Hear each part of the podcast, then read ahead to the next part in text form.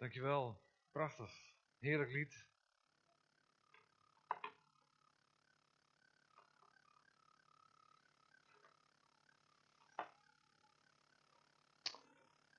Ja, de camera staat nu even op een andere plaats. Ik moet uh, die kant een beetje opkijken nu vanmorgen. En uh, ik mag u ook welkom heten bij het woord, het delen van het woord. Ik hoop dat het een, bemoediging wordt vanmorgen. En we gaan uh, lezen uit Matthäus 8, 16. Ik heb eerst nog gedacht, op de livestream kun je ook chatten met elkaar.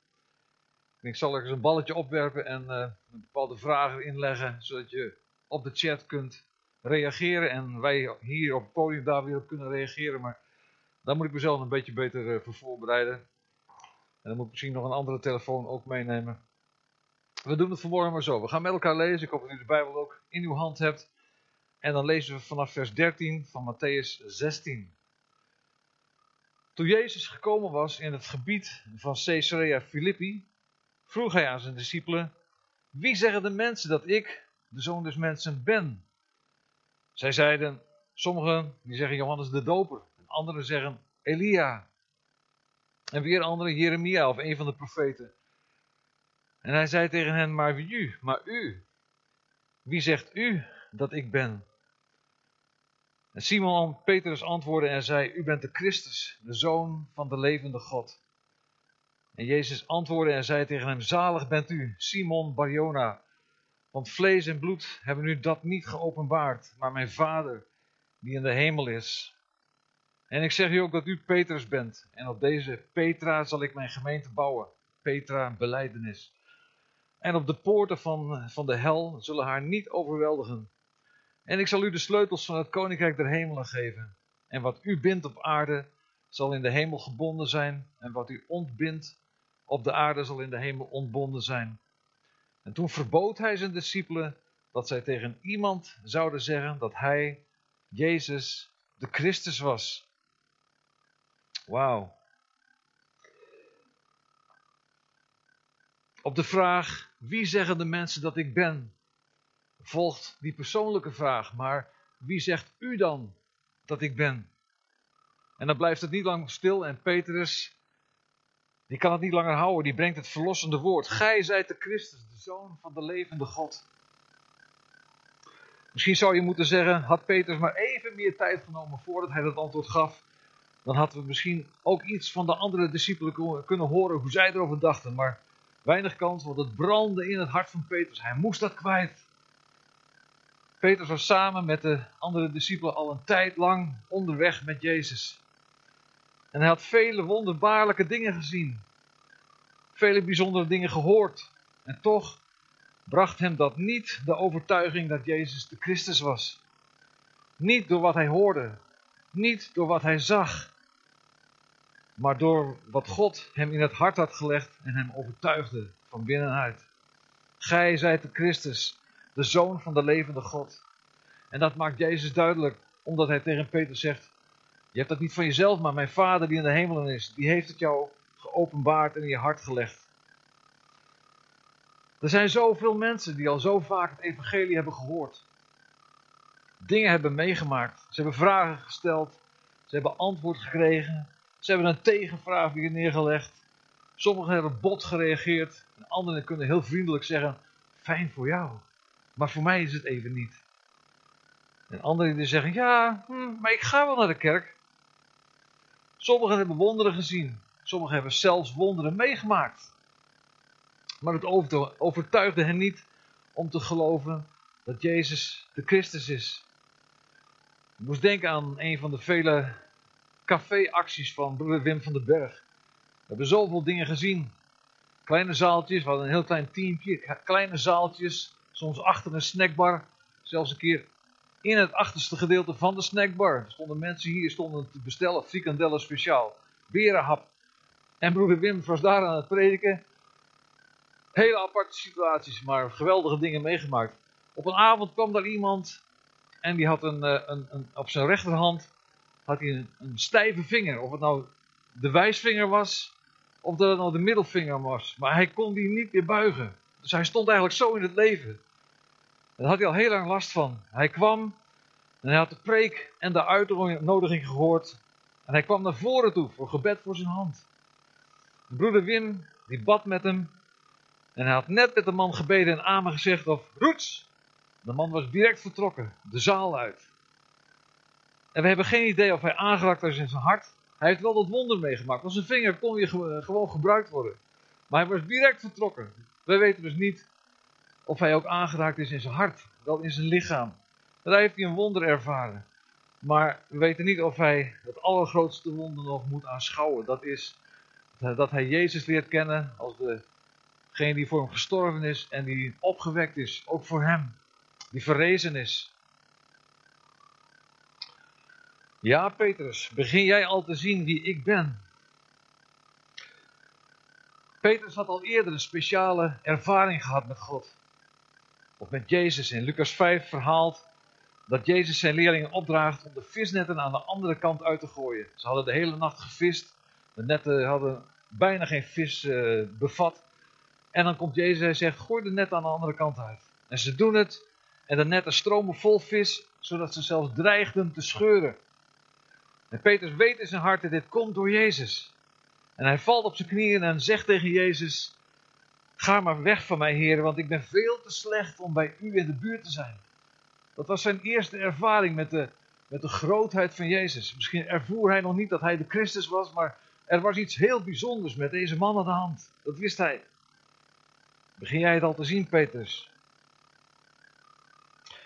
Wie zeggen de mensen dat ik ben? Dat lijkt zomaar een vraag van Jezus. Niet omdat hij niet wist hoe er over hem gedacht en gezegd werd, of omdat hij eens wilde polsen of hij al een beetje bekendheid kreeg bij zijn toehoorders. Nee, het moest voor de discipelen duidelijk worden dat hij de Christus was. Wie zeggen de mensen dat ik ben? Elia, Johannes de Doper, een van de profeten. Niet zo gek bedacht, omdat iemand als Elia naast zijn profeetschap ook geweldige grote dingen heeft gedaan, wonderen en tekenen. Wat hebben de discipelen allemaal gezien? Hoe hebben ze over hem gedacht, wie hij was? Toen ze na hun roeping alles achterlieten en met Jezus meetrokken het land door. Ze waren erbij toen hij meerdere keren duizenden mensen te eten gaf. Ze waren erbij toen hij eh, de dode jongeling, de jongeling weer opwekte uit de dood tot leven. Ze waren erbij uh, dat mensen bevrijd werden van demonen. Ze waren erbij dat doven weer konden horen. Ze waren erbij als mensen hun vinger niet meer konden gebruiken, dat ze weer normaal konden functioneren. Ze waren er weer bij als lammen begonnen te lopen en blinden weer konden zien. Nog vele, vele andere wonderen. Maar ook het onderwijs, het was zo anders. Het was heerlijk om in de nabijheid van Jezus te zijn. Het was zo anders dan dat je in de nabijheid was van de schriftgeleerden, van de fariseeërs. Het was zo duidelijk en zo, als ik het tussen haakjes mag zeggen, zo goddelijk menselijk. Ondaan van de regels die bedacht waren door de fariseeërs en de schriftgeleerden. Omdat, het, omdat ze dachten, God daar nog een groter plezier mee te doen om die te houden. Hoe meer regels, hoe beter. Je zou kunnen zeggen, ze waren strenger dan Mozes. En ze waren roomser dan de paus. De wetten van Mozes en de woorden van de profeten waren een heenwijzing naar de Christus toe, de Messias, de gezalfde van de Heer. En die moet je niet allemaal moeilijker maken en strenger en bijna niet te houden. Ze waren een heenwijzing. Mensen moesten het zicht krijgen op Jezus Christus, de gezalfde. En dan komt er een moment dat Jezus zegt, nadat ze dit gedeelte hebben, uh, hebben beleefd. Dat Jezus na zes dagen zegt: Kom, kom met me mee. Petrus, Johannes, Jacobus, kom mee de berg op. En ze komen bovenop die berg en Jezus staat daar. En ineens, voor hun ogen, op die berg, veranderde zijn gedaante. Zijn gezicht straalde als de zon en zijn kleren werden wit als het licht. En dan staat er in Marcus een mooie tussenzin: zo wit als geen volder, een wolwasser, zo op aarde kon maken. En daar, terwijl de discipelen toekeken, kwamen Mozes en Elia bij Jezus en ze spraken met hem. Jezus was dus niet de Mozes, hij was dus niet de Elia. Die zeggen de mensen dat ik ben Elia? Nee. Nee, daar stond tussen hun in de verheerlijkte Christus. En natuurlijk was het Petrus die het eerste weer wat uitbracht.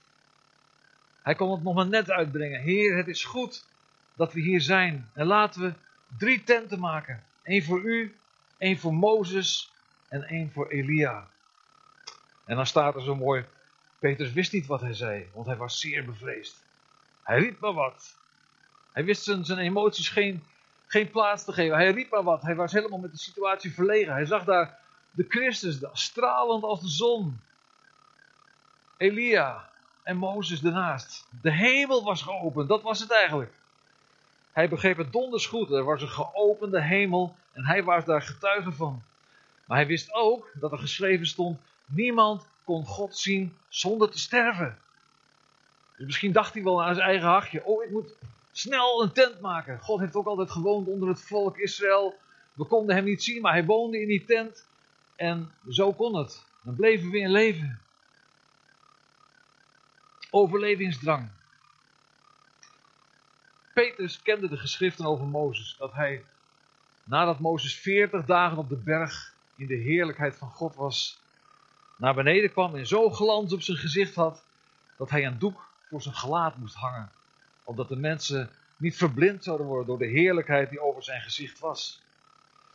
Maar wat Petrus hier zag, was niet de heerlijkheid van God die op Jezus afstraalde, zoals Gods heerlijkheid op Mozes afstraalde, zoals de zon een maan licht geeft. Nee, Jezus was zelf de heerlijkheid van God.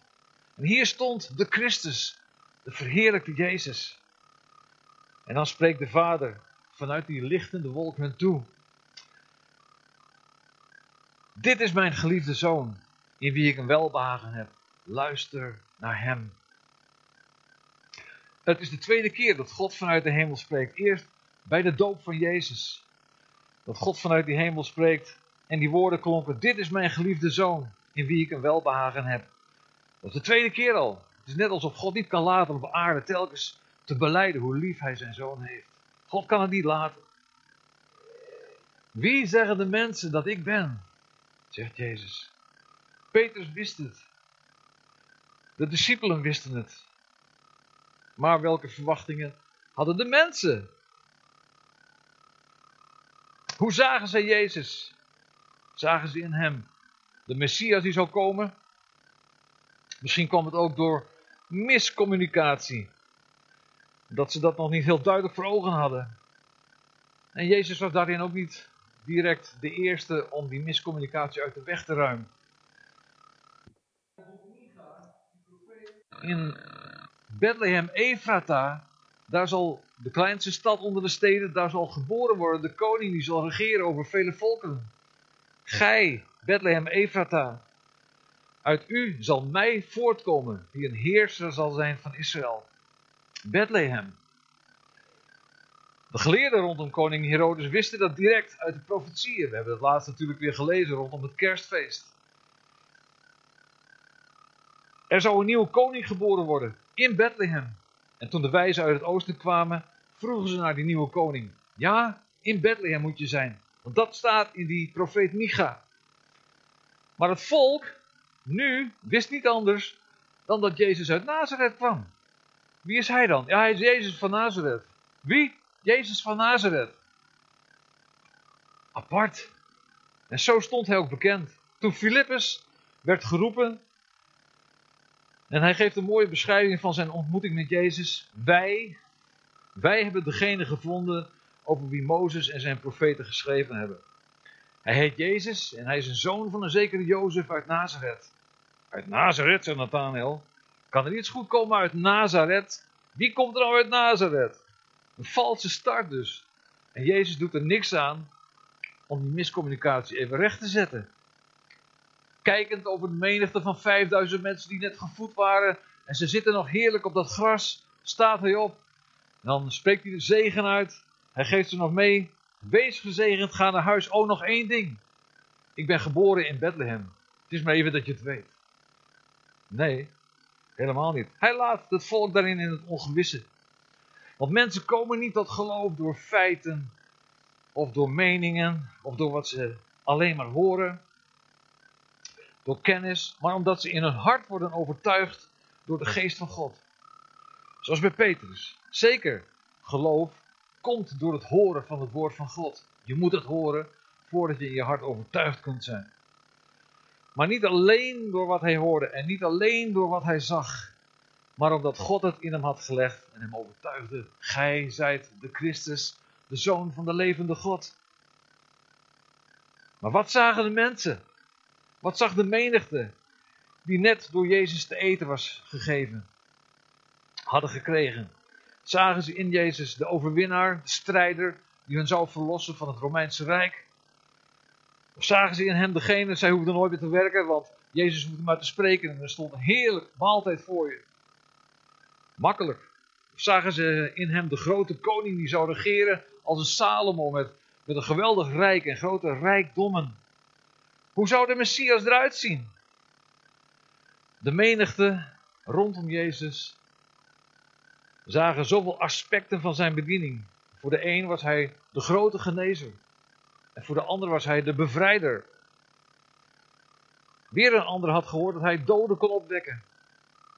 En de volgende was helemaal gecharmeerd van zijn onderwijs. En daarbij was de lunch soms inbegrepen. Heerlijk.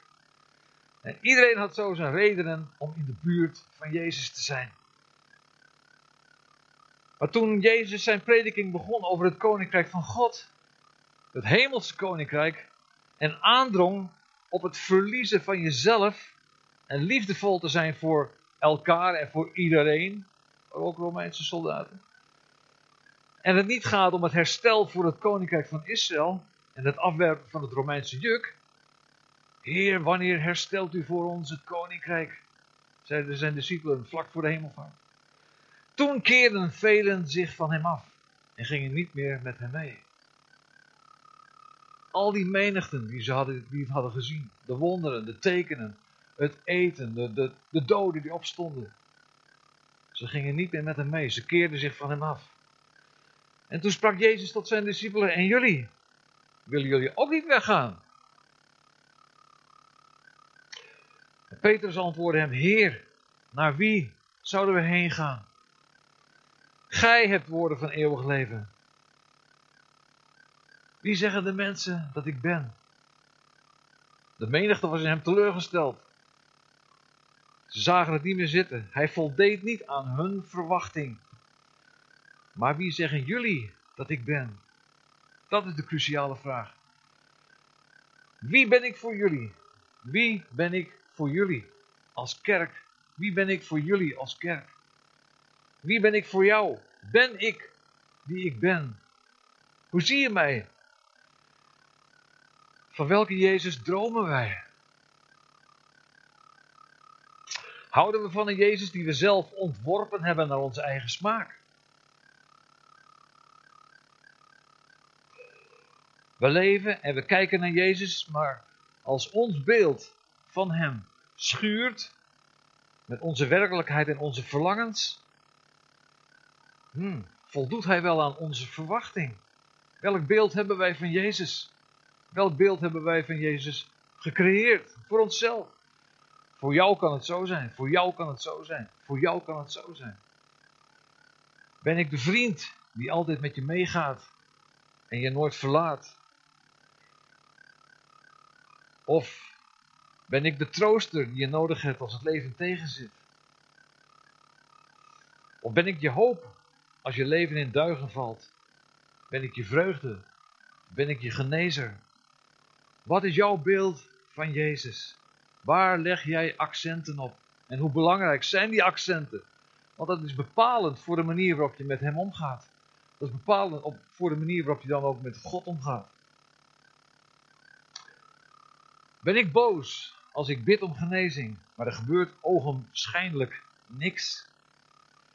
Keer ik hem de rug toe, omdat ik niet in het gelijk word gesteld, terwijl ik daarom had gebeden? Als mijn leven niet voorspoedig gaat, gooi ik dan de Bijbel aan de kant. De, de, de, de voorspoedtheorie. Gooi ik dan de boel aan de kant omdat mijn idee over hem anders is? Kennen wij het totaalplaatje? Weten we wie hij is? Ik moest denken aan de boer die zo van nood had dat er eindelijk wat regen zou komen op zijn land. Het was dor en droog. En hij keek naar de lucht en het leek erop alsof het zou gaan regenen. En naast het land van de boer was een camping. En op die camping waren net mensen aangekomen. Die hadden alles ingepakt om een heerlijke fietstocht te gaan maken. En ze keken naar boven en ze zagen diezelfde wolken waar de boer ook naar stond te kijken. En toen zei ze, Piet, zullen we ervoor bidden dat, dat het vandaag mooi weer blijft. We hebben van alles gedaan, die fietsen achter op de auto gezet, we het hele eind gereden om hier in die bossen te gaan fietsen. Zullen we er toch gewoon voor bidden, we mogen overal voor bidden. En op hetzelfde moment knielde de boer op zijn land. En zei, Heere God, u weet, ik ben zo van noden. Regen, echt een flinke smak regen. Alsjeblieft, verhoor mijn gebed. Welk gebed wordt er verhoord? Ja, ik hoor niks. In welk gebed wordt er verhoord? Oeh, niet zoveel. Hou, hou, doet zeer in mijn oren. Ik zou het echt niet weten. Ik weet het niet. Dat is Gods zaak. En uh, of Piet en Antje dan uh, een eind hebben gereden, ja, dat is uh, jammer voor hun. En of de boer misschien wel of geen reden, ik weet het echt niet. Ik denk, daar moet je God voor zijn. Ik zou dat in mijn hoofd niet klaar krijgen allemaal. Loopt het anders en gooi ik dan mijn Bijbel in de hoek? Loopt het anders dan ik verwacht had? Wordt mijn beeld van God dan, dan brokkelt dat af? Kennen we het totaalplaatje? Weten we wie Hij is? Ben ik de Christus, de Zoon van de levende God? Christus is een titel. Eigenlijk is het Jezus de Christus. Wij zeggen vaak Jezus Christus. Maar hij zegt Jezus de Christus, de gezalfde of de Messias. Christus of Messias betekent allebei de gezalfde. Denk eens aan zalving.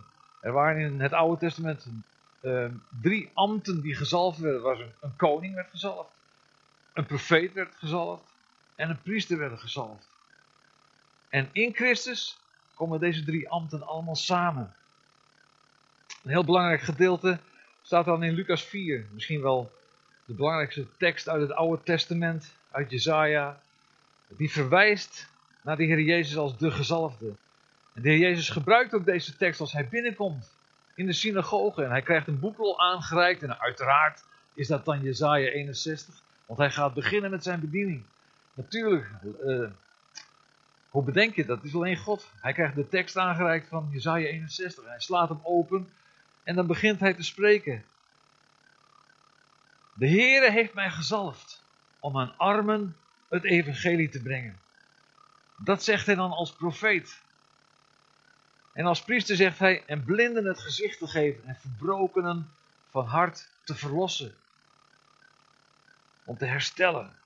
En als koning zegt hij, ik laat gevangenen los en ik roep uit het aangename jaar des Heren. Dan komen die, die drie ambten, die komen daar samen in dat ene gedeelte. Waarin Jezus zegt, en dit woord is heden voor u in vervulling gegaan. En toen knikten ze allemaal en ze, en ze zeiden, ja, amen. Ze hadden nog niet door dat Jezus het over zichzelf had. En dat hij zei, ik ben die gezalfde. Het mooie is, het gedeelte uit Jezaja, daar staat in, en een dag der wraken van onze God. En dat, dat noemt Jezus daar niet bij. Dat is zo bijzonder. Waarom noemt hij dat er niet bij? Omdat die wraken, die neemt hij op zich. Die is niet meer voor de mens. Die neemt hij op zich. Dus dat laat hij hier op weg. Geweldig. Ja, hoe reageren wij als God eens nee zegt op ons gebed. Of als hij zegt, nog niet. Want wat je ook bidt, van de week had ik het met Martien er nog over. Wat je ook bidt, er gebeurt altijd wat. Het kan zijn dat je tien jaar later iets ziet dat je. Mensen schrijven uit van alles op. Dat heb ik gebeden op die dag en zo zo. Je hebt hele boekwerken. Maar het kan zijn dat je over tien jaar ziet zegt: Wauw, ik heb daar ooit eens voor gebeden en nu zie ik het gebeuren. Er gebeurt wat. De hemel komt in werking als jij God aanroept. De hemel, er gebeurt iets.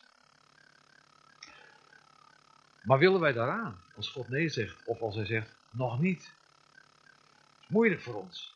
Als zijn antwoord hard is voor ons gevoel. God kent het hele plaatje. Hij kent onze levensloop. Hij weet wat goed voor ons is. Ik weet wat goed voor mij is, denk ik. Dus ik bid daarvoor. Hij zegt van ja, maar jij weet niet wat er morgen staat te gebeuren als je in die auto zit en blablabla. Laten we het maar niet doen, want dan komt het morgen niet goed, Rijn. Oké. Hij weet wat goed voor ons is. Hij belooft ons niet alle gebedsverhoring, maar hij belooft ons rust voor onze geest en voor onze ziel. Het advies voor ons leven is dan ook: laat ons oog daarbij alleen gericht zijn op Jezus, de leidsman en de voleinder van ons geloof. Jezus is zoveel. Er zijn zoveel namen. Zoveel namen van Jezus die op ons betrekking hebben. Laat het niet zo zijn dat wij onze eigen beeld maken van Jezus, maar dat we het totaalplaatje voor ogen houden. Dat Hij het is die soms nee zegt. Dat zijn prediking soms hard voor ons kan zijn. En dat hij ook tegen, ons ook zegt van, jij wilt toch niet weggaan? Zet me even door. Hou vol. Hou vol. Je komt er. Laat ons oog daarbij alleen gericht zijn op Jezus, de leidsman en de voleinder van ons geloof. Wij willen zo met een avondmaal gaan vieren met elkaar.